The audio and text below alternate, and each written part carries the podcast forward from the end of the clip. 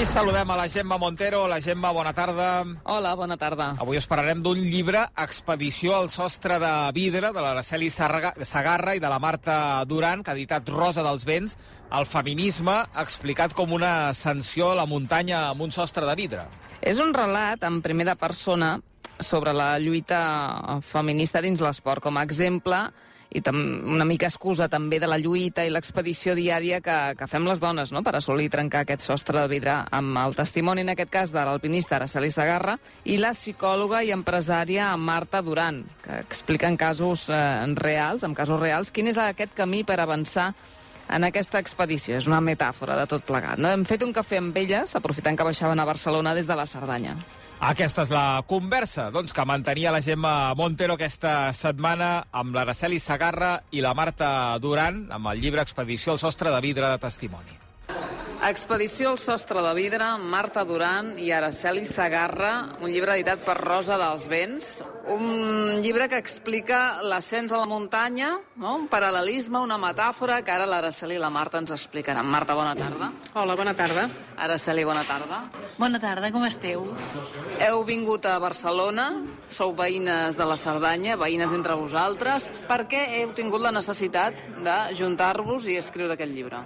Bueno, ens, ens juntem no per necessitat, sinó gairebé per naturalesa, no? És a dir, vivim a prop, eh, ens coneixem de fa temps, tenim molts pensaments comuns eh, i sobretot jo crec que la necessitat, podria dir d'alguna manera, de no quedar-te al teu pensament, sinó que intentar fer alguna cosa amb això, perquè serveixi per algo. I com la Marta sempre diu, no? Tenir una acció, no només quedar-te amb les paraules. El fet d'escriure un llibre ja és una petita acció per intentar canviar alguna cosa. Efectivament, ens coneixem fora i abans del llibre, no? I ens entenem i som amigues fora i abans del llibre i a partir d'aquí és una mica el gust per compartir el que pensem perquè no quedi en una conversa o moltes converses de cotxe, que dic jo que és un dels llocs on, ta, on aquest llibre diguem-ne ha quallat i, i fer-ho de forma que altres puguin com a mínim compartir el que pensem no? no és que tinguem cap esperança tampoc de que això sigui el origen de la vuitena creuada eh? no es tracta d'això però sí posem a l'abast de tothom el nostre pensament. Mm.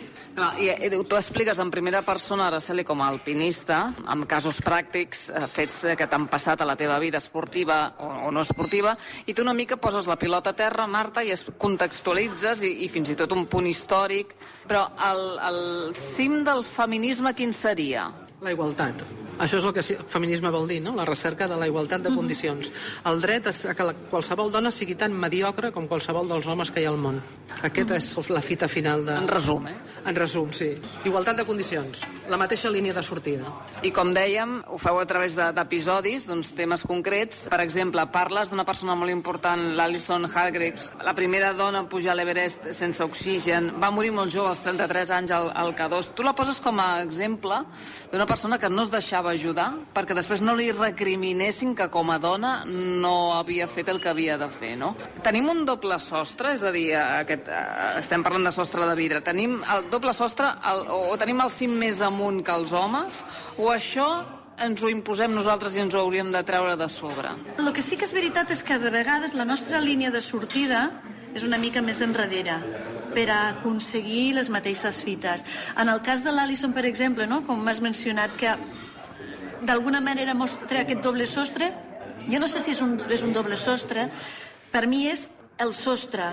El fet de que intentés fer-ho tot d'una manera tan purista perquè no se li recriminés tot, res perquè no li baixessin aquest esglaó. El fet de no acceptar té que amablement els xerpes durant la ruta, xerpes d'altres expedicions, li oferien d'una manera mm, gens tendenciosa, com a companya, com a persona que trobes a la muntanya, i ella no l'acceptava perquè no li recriminessin que l'havien ajudat.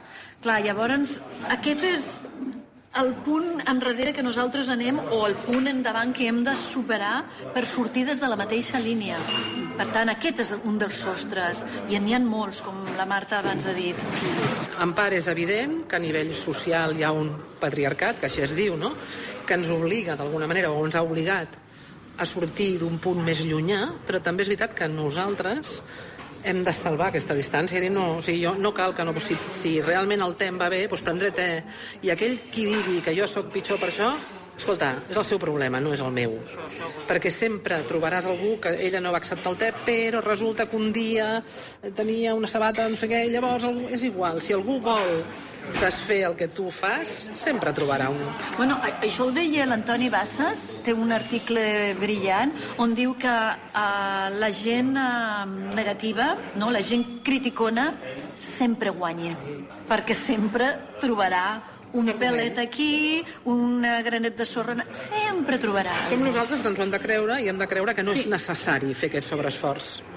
I qui vol estar de la nostra part és igual el gènere. Homes, dones. També hi ha dones que són el nostre enemic, si ens ho posem així. Ui, ui, ui, sí, sí. sí. No, hi ha dones masclistes. Clar, sí, sí, aquest clar. és un tema sí, que... Sí. Perquè jo, parlant amb homes, de, quan parles de xifres, no? que al final sobre la taula has de posar moltes xifres moltes vegades, no? quan parles d'això, diuen, no, però és que hi ha moltes dones que, que també ens donen la raó. Bueno, és que hi ha dones masclistes, no? I aquest és un tema molt interessant perquè no ens en donem compte. El mateix que hi ha homes eh, que no es consideren masclistes, però han tingut una educació i no se'n donen compte que hi ha un lleuger, una lleugera capa en allà d'actitud que és masclista i, i gràcies a Déu alguns ho reconeixen i són capaços de veure-ho a nosaltres ens passa el mateix és una qüestió d'educació, de com hem viscut, com, he, com hem crescut i la família, no? Com ens han educat. Com ens han educat. Tenim tics masclistes, totes. Sí. sí, sí, està clar. Lo difícil és adonar-te. I una mica aquest llibre no va dirigit només a dones. De fet, el nostre interès important és que, que ho llegeixin molts homes. Per això no critica, sinó que, bueno, fica llum, jo crec, no? En, en, en alguns punts, perquè els puguis reconèixer sense sentir-te culpable perquè no volem culpabilitzar ningú. Parlant de culpa, la síndrome de la impostora. A mi m'ha agradat molt aquesta part del llibre. Uh, creieu que es, que, que es pot evitar, que es pot superar la síndrome de la impostora? Sí, jo, jo, sí. jo crec que potser és de les més fàcils de... Segurament no totalment. També és una síndrome que nosaltres la posem en femení, però també afecta els homes, eh? És aquest, estic aquí, però realment ha sigut sort, però jo això no m'ho mereixo, qualsevol dia em diran, però tu com has arribat aquí? Això ens ha passat a tots o a totes i es pot resoldre? Home, es pot ajudar que això no passi tant, no? Es pot reforçar el, el que la gent se senti còmoda i tranquil·la, tot i que sigui afrontant un repte important, no? I sobretot no senti que no està capacitada o capacitat. I has trobat tu, Araceli, de dir tot això que jo he aconseguit aquí mmm, no m'ho mereixo o t'ha fallat l'amor propi en alguna vegada? Um, no et sabria contestar rotundament que sí, però tampoc et sabria dir que no. És a dir, jo crec que hi ha hagut sentiments mm, lleugers quan jo he escalat una via compartint-la al 50%, aquest sentiment no l'he tingut. I, I crec que aquí també hi ha aquesta part important. Mm, jo he tingut la sensació, és a dir, conec el concepte de la veu interior que et parla. I per a superar aquesta impostora crec que és molt important ensenyar-nos a parlar-nos amb optimisme, amb possibilitat, amb coratge, inclús parlar-nos creient que podem estar per sobre de les nostres possibilitats. És a dir, jo a vegades faig escalades que, bueno, no n'estic segura si les puc fer, però em faig la xula i fer-me la xula, però no fer-me la xula perquè vulgui ser pedant amb ningú, sinó perquè sé que aquesta xuleria falsa, com que ja ho he dit, ara estic obligada a fer-ho. I fent-ho perquè m'he obligat a mi mateixa... Estàs autoimposant, no? Ho imposo. I llavors te'n dones compte que dius, ostres, pues sí que ho podia sí fer. I si me parlo més sovint a mi mateixa d'aquesta manera? Per això jo crec que aquesta part d'autoparlar-te és educable i si és educable pots millorar bastant no? aquest síndrome del que parlàvem Has dit una paraula clau, eh? educació. D'entrada jo diria que, que encara hi ha moltes dones, i això per desgràcia és així, que eduquen de forma lleugerament diferent als seus fills i a les seves filles. I a partir d'aquí ja tenim un problema, no? És, és el que en algun lloc del llibre surt, no? Els nens, quan tenen 3 anys i surten al parc i mengen el de sorra, en el nen se li diu tira per aquell tobogan, mira que valent ets. I la nena se diu, compte que t'embrutaràs, compte que et faràs mal. Per què? Pues que es facin mal tots dos, no? Més, més uh, marcromina o més tirites i menys precaucions. L'educació és essencial si no ho rebem a casa, tot això no pot canviar. Això no es pot canviar a posteriori, no, es, no poden canviar les lleis, eh, no pot canviar una política, és igual, eh, d'esquerra, social, no. Això s'aprèn a casa. I després l'escola dona eines, però si no vens après de casa, això no ho podem canviar. No ho podem canviar. I de la mateixa manera, és el que diu l'Araceli, no? el síndrome de la impostora, ve d'una manca de seguretat que si t'has construït a tu mateix abans, la tens molt menys, no? Que és al fons el que ella està dient quan diu sí que puc, i després ja veurem com ho faig, però jo ja ho he dit. I ara ja no, hi no tinc volta enrere, sí. no? Mm, però això ho pots fer si tu ets una persona segura i sòlida i això es construeix en la infantesa. Aquesta senyora probablement doncs, baixant en patins per una baixada infumable a Lleida sense que ni els seus pares ni sapiguessin ni els interessés perquè estaven treballant no? perquè estaven... Un episodi que relateu a l'inici del llibre exacte o... però la Marta també feia el mateix amb la bicicleta no? Sí, és... jo feia coses que no i el meu fill ha fet el mateix i els veïns deien, però aquest nen es farà mal i bueno, quan es faci mal ja li posarem una tirita però ara de moment la sobreprotecció pues, deixa el que es faci mal perquè així s'aprèn no? Eh, hi, ha, hi ha un moment també que relates al, al llibre, en la, la, la teva part, Araceli, eh, una conversa, bueno, no sé si dir conversa, eh, un episodi del Broad Peak l'any 91, que tu qualifiques d'assetjament emocional, no? Allò et va canviar realment? Mira, et, et contesto igual que abans. Em, se'm fa difícil rotundament dir que sí, perquè necessitaria molta reflexió, però no et puc dir que no. Per tant, jo diria que una part del meu caràcter, una part de la manera amb la que prenc decisions o vaig prendre decisions en un moment van estar condicionades per aquest fet perquè uh, hi ha una edat en la que encara ets vulnerable per molt bona educació que hagis tingut perquè no has adquirit experiència a la vida com per saber destriar el que és important, el que t'afecta i el que no. I, i em va condicionar pues, certes maneres d'actuar, Ara podria ser diferent? No ho sé. Si he arribat al punt al que sóc, esquivant per una banda o per l'altra, però que em va afectar i que allò em va ajudar a reconèixer futurs eh, manipuladors emocionals, que poden ser assetjadors a la curta o a la llarga, no? però que ja veus vindre amb qui no vols estar, amb qui no vols compartir una acordada, amb qui no vols treballar un art en d'expedició. Jo crec que això és important aprendre-ho per teoria i esperem que no per pràctica, no? però si d'alguna manera crec, suposo que sí. Un psicòleg m'ho sabria dir millor, jo autoanalitzant-me doncs, perquè s'entengui, eh? va ser una conversa... Bé, tu formaves part d'una expedició, eh, però també t'hi feies amb una expedició paral·lela. En un moment donat, el cap, entenc que era el cap de la teva expedició, et va recriminar doncs, eh, allò que estaves fent, però de molt mala manera. No? Sí, era una expedició mexicana per l'idioma, per, per... estava molt a prop d'aquesta expedició, eh, anava sovint amb ells perquè instintivament jo em trobava més a gust amb aquesta expedició. Hi ha també una part que a vegades tu no pots verbalitzar, no saps per què, bueno, quan hi ha gent amb la que connectes i gent amb la que no. I jo connectava millor amb els de fora que amb els de dintre. I una companya meva doncs, també va acabar marxant eh, per la pressió i per el malestar amb, amb, amb uns certs personatges d'aquesta expedició i jo vaig acabar fatal és a dir, amb, amb molta pressió, amb molt maltracte i amb aquest tipus de frases i de, de gotets, no? aquesta gota malaia no? que va caient, de que tu ets, tu ets, tu ets. I això et pot afectar moltíssim. Al final el que eh, reclameu també en aquest llibre és el treball en equip. És a dir, no, mm, una mica el que començaves tu dient, no?, quan hem començat aquesta conversa, eh, de voler ser tan mediocres com ells, doncs el, el que volem és treballar en equip en igualtat de condicions. No, no, no arraconar els homes ni, ni res d'això, sinó treballar en equip 50-50. Sí, 50-50, 40-60 és igual. És a dir, en tot cas, qualsevol que es vulgui apuntar perquè pensi que aquesta igualtat en la línia de sortida és important. És important perquè millora la societat, és important perquè premia el talent, és important perquè en el fons tots sortim guanyant, no? A qualsevol que s'hi vulgui apuntar. Jo sempre dic que és igual, eh? Persona, animal o planta, tothom és benvingut. El gènere és irrellevant, hauria de ser irrellevant, que de fet és el que demanem, que el gènere sigui irrellevant. I a més hi ha una cosa en la que estem en contra i és amb aquesta manera de parlar que com parlem, com diem les coses, és com acaben, és a dir, té les conseqüències de que es acaben sent fets. I és dir, és que els homes són i ficar-los tots en el mateix calaix.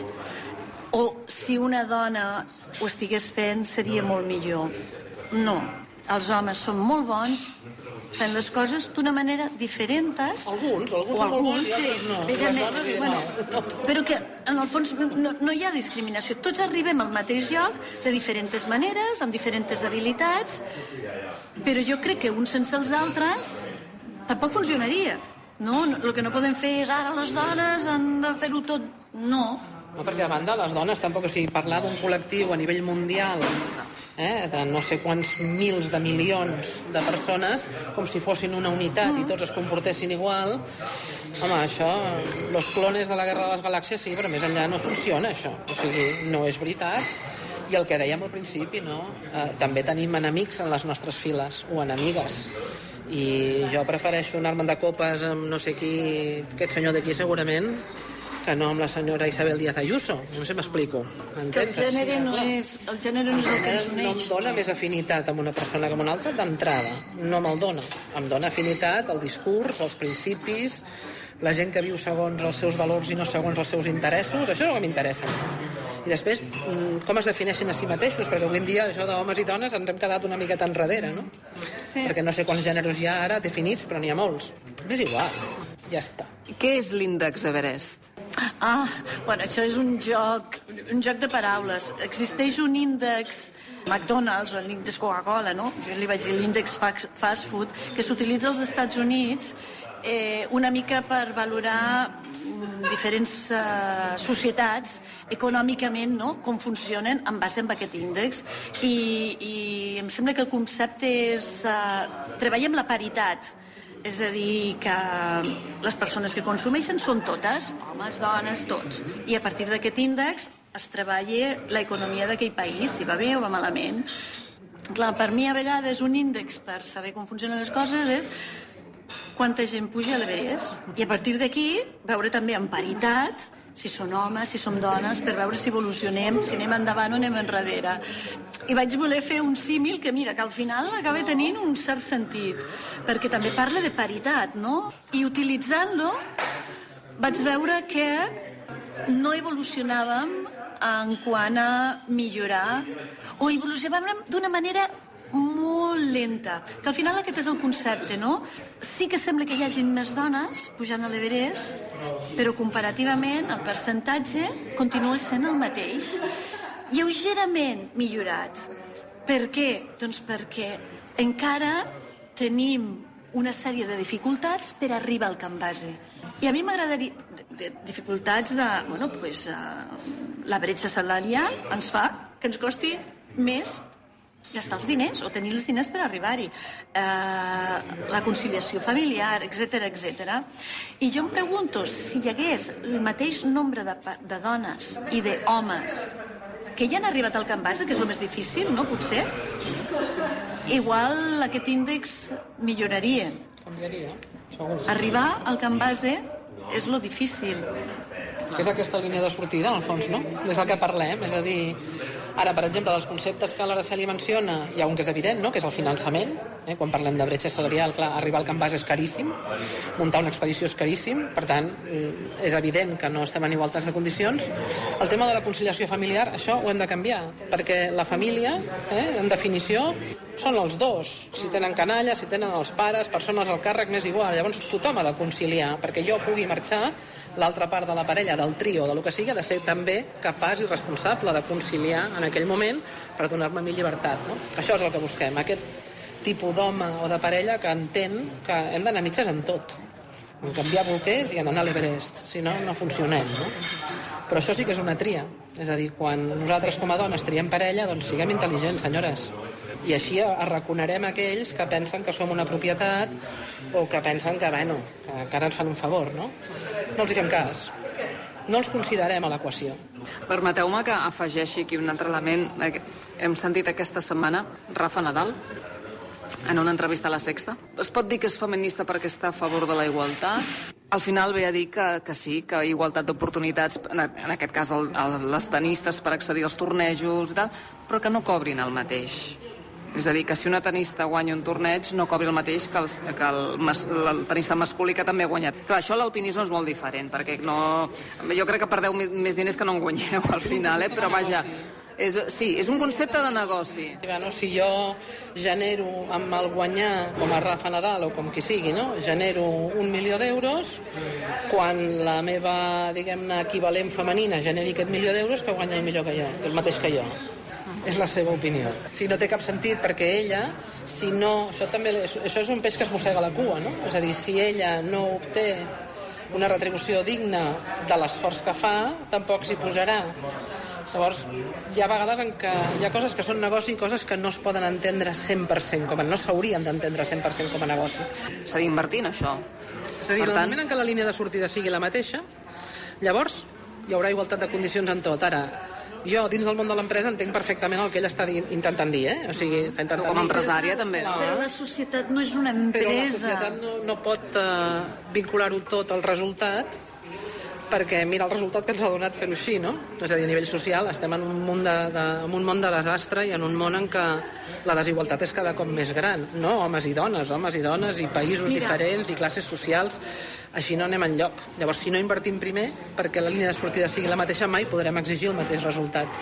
El món no funciona per lleis uh, empresarials, absolutament tot. Ha d'haver-hi una mica d'ètica, una mica també, no d'ètica, de, de criteri, una mica d'equitat.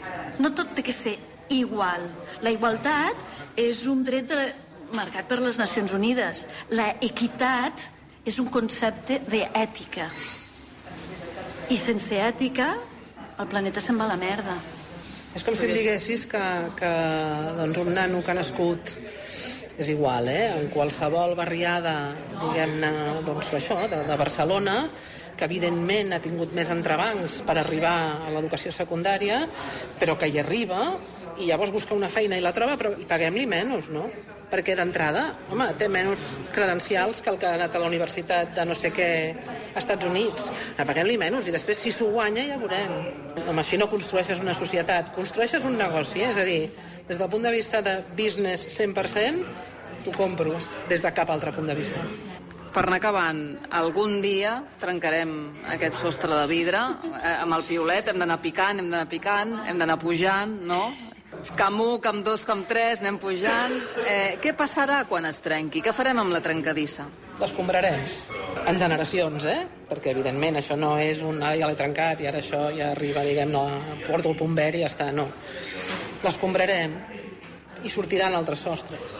No necessàriament per les dones, no necessàriament entesos, diguem-ne, com a discriminació de gènere, sortiran altres, perquè això és inherent al ser humà, el fer diferències, el protegir l'avantatge, el uh, no cedir el poder que al fi a la cap és el que es tracta, eh? o sigui, en, en origen això surt perquè és molt còmode, diguem-ne, tenir un assistent o una assistenta en tots els àmbits de la vida, no? i la diferència de gènere proven en, en origen d'això. Les altres diferències també, i n'hi haurà de noves, quines? No ho sé. Ara, ella és optimista, jo no ho soc tant. No? Per què? Perquè penso això, penso que el ser humà crearà altres sostres i crearà sempre mecanismes perquè hi hagi una diferència que el beneficia a ell, eh? perquè les estructures de poder sempre intentaran eh, preservar aquest poder, i per preservar aquest poder tu saps que diuen, no? Jorge Wagensberg, que era, de fet era un filòsof, per mi deia això, que les coses es construeixen en contra, no a favor. És molt més fàcil construir un grup en contra que a favor. Per tant, mm, al final el grup que té el poder el que farà serà escombrar els altres. En quin àmbit? En el que sigui. Jo sóc optimista en el sentit també no, que no hi ha que parar el moviment. Ah, no, no, això està clar. Amb això És a dir, uh, anar pujant campaments, anar pujant campaments. Sí, és cert. Igual la muntanya creix. Canvia, sí, on hi ha un altre que no havíem vist. Exacte. Arribes a dalt i dius, hòstia, n'ha sortit un altre al darrere. Bueno, però no deixar el moviment, perquè en el moment que deixem de fer coses estarem perduts. I això és el que crida aquest llibre. La Marta ho deia molt bé, a l'acció. Jo penso que hem, que hem creat una societat on les discussions les tenim, no és perquè ara estiguem aquí, no? però sempre en col·lectiu i a darrere d'un cafè. No, anem a fer coses de forma individual. Si una cosa ens sembla que no és justa, el sembla veu, però tu, jo, ella, no esperem a que el col·lectiu ens protegeixi i, des, i deixem de parlar darrere d'un cafè. Sortim al carrer, que igualtat, igualtats n'hi ha moltes, les trobarem de seguida, eh? Fem coses. Acció. Acció, individualitat, i la individualitat crea el col·lectiu, és a dir, ajuntem-nos amb els que pensen com nosaltres, però primer pensem nosaltres. I inclusió, inclusió, que és el que dèiem abans, no perquè els homes són l'enemic. Qui ho diu, això? Jo tinc amics extremadament feministes i m'he creuat, sobretot en la vida empresarial, amb dones que no les voldria al meu costat per res del món. Les raons per què són així?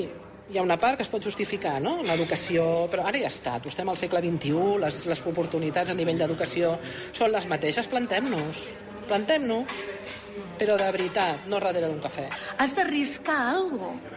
Si no arrisques res, és a dir, quedar-se aquí parlant d'això i no fer cap acció, cap moviment que impliqui un risc per tu, no canvies res. Jo estic aquí, mm, cagant-me en tot, perquè han matat a dones, perquè el meu sou no és el que hauria de ser, perquè uh, la parella de no sé qui no fot res, és a dir, això no canvia res. Has de fer alguna acció. És una mica això, les que podem, no? jo sempre faig el símil, que és un símil com és conegut, és fàcil d'entendre del sufragi femení, no? Per què va anar relativament ràpid el sufragi femení? Doncs perquè al davant hi havia unes senyores que eren unes aristòcrates, que s'ho podien permetre, que ho van passar molt malament, eh? que les van alimentar a la força, que les van empresonar, que tenen un mèrit... Però elles eh, podien permetre-s'ho. L'obrera que estava 18 hores a dintre una fàbrica no es podia permetre plantar cara, perquè ni ella ni la seva família haguessin sobreviscut. Llavors, les que podem, exercim amb l'exemple. Doncs accions, moviment i llibres. Aquesta expedició al sostre de vidre de la Marta Duran i l'Araceli Sagarra amb Rosa dels Vents. Moltíssimes gràcies, un plaer aquesta conversa. Moltíssimes gràcies a tu. Un regal per nosaltres. Gràcies. La conversa de la Gemma Montero amb l'Araceli Sagarra i amb la Marta Duran aquesta setmana amb aquest llibre Expedició al sostre de vidre com a protagonistes. Més eh, coses, eh, Gemma, que hem d'explicar del món de l'ultrasports. Aquesta setmana s'ha presentat l'Unirun, la cursa de les universitats, que es farà diumenge 3 de març i que celebra enguany el desaniversari. Les inscripcions ja estan exaurides. I continuem atents a Kènia i les investigacions de les circumstàncies de la mort de Kelvin Kiptum, rècord del món de marató. La policia va detenir fa uns dies els tres homes que el mateix dia de l'accident de cotxe es van presentar al matí a casa del pare de l'atleta i que no es van voler identificar. La policia, doncs, que continua investigant les causes d'aquest accident de cotxe en què va perdre la vida Kiptum i el seu entrenador. I la setmana vinent és el cap de setmana de la Transgran Canària. Recordeu també que les inscripcions per la Salomon Ultra Pirineu estan obertes des de fa una setmana i que divendres vinent es farà el sorteig de dorsals de la Cegama. Atenció, 10.000 inscrits per 225 places. Una autèntica loteria. Molta sort a tots els participants que volen ser el dia 26 de maig a Cegama, al costat, o una mica per darrere, d'en Kilian Jornet. Avui també amb el Marató de Sevilla com a protagonista, guanyat en categoria masculina l'etíope Teresa Guileta, amb rècord de la prova, 2 hores 3 minuts i 36 segons, amb l'atleta de Vilafranca del Penedès, Ibrahim Chakir, que ha estat el millor espanyol, s'ha proclamat campió d'Espanya en categoria femenina, ha guanyat l'etíope Esmera Gebro, un temps de 2 hores 22 minuts i 13 segons, i Meritxell Soler ha estat la millor catalana. Ara sí, Glenn Miller, quan vulguis.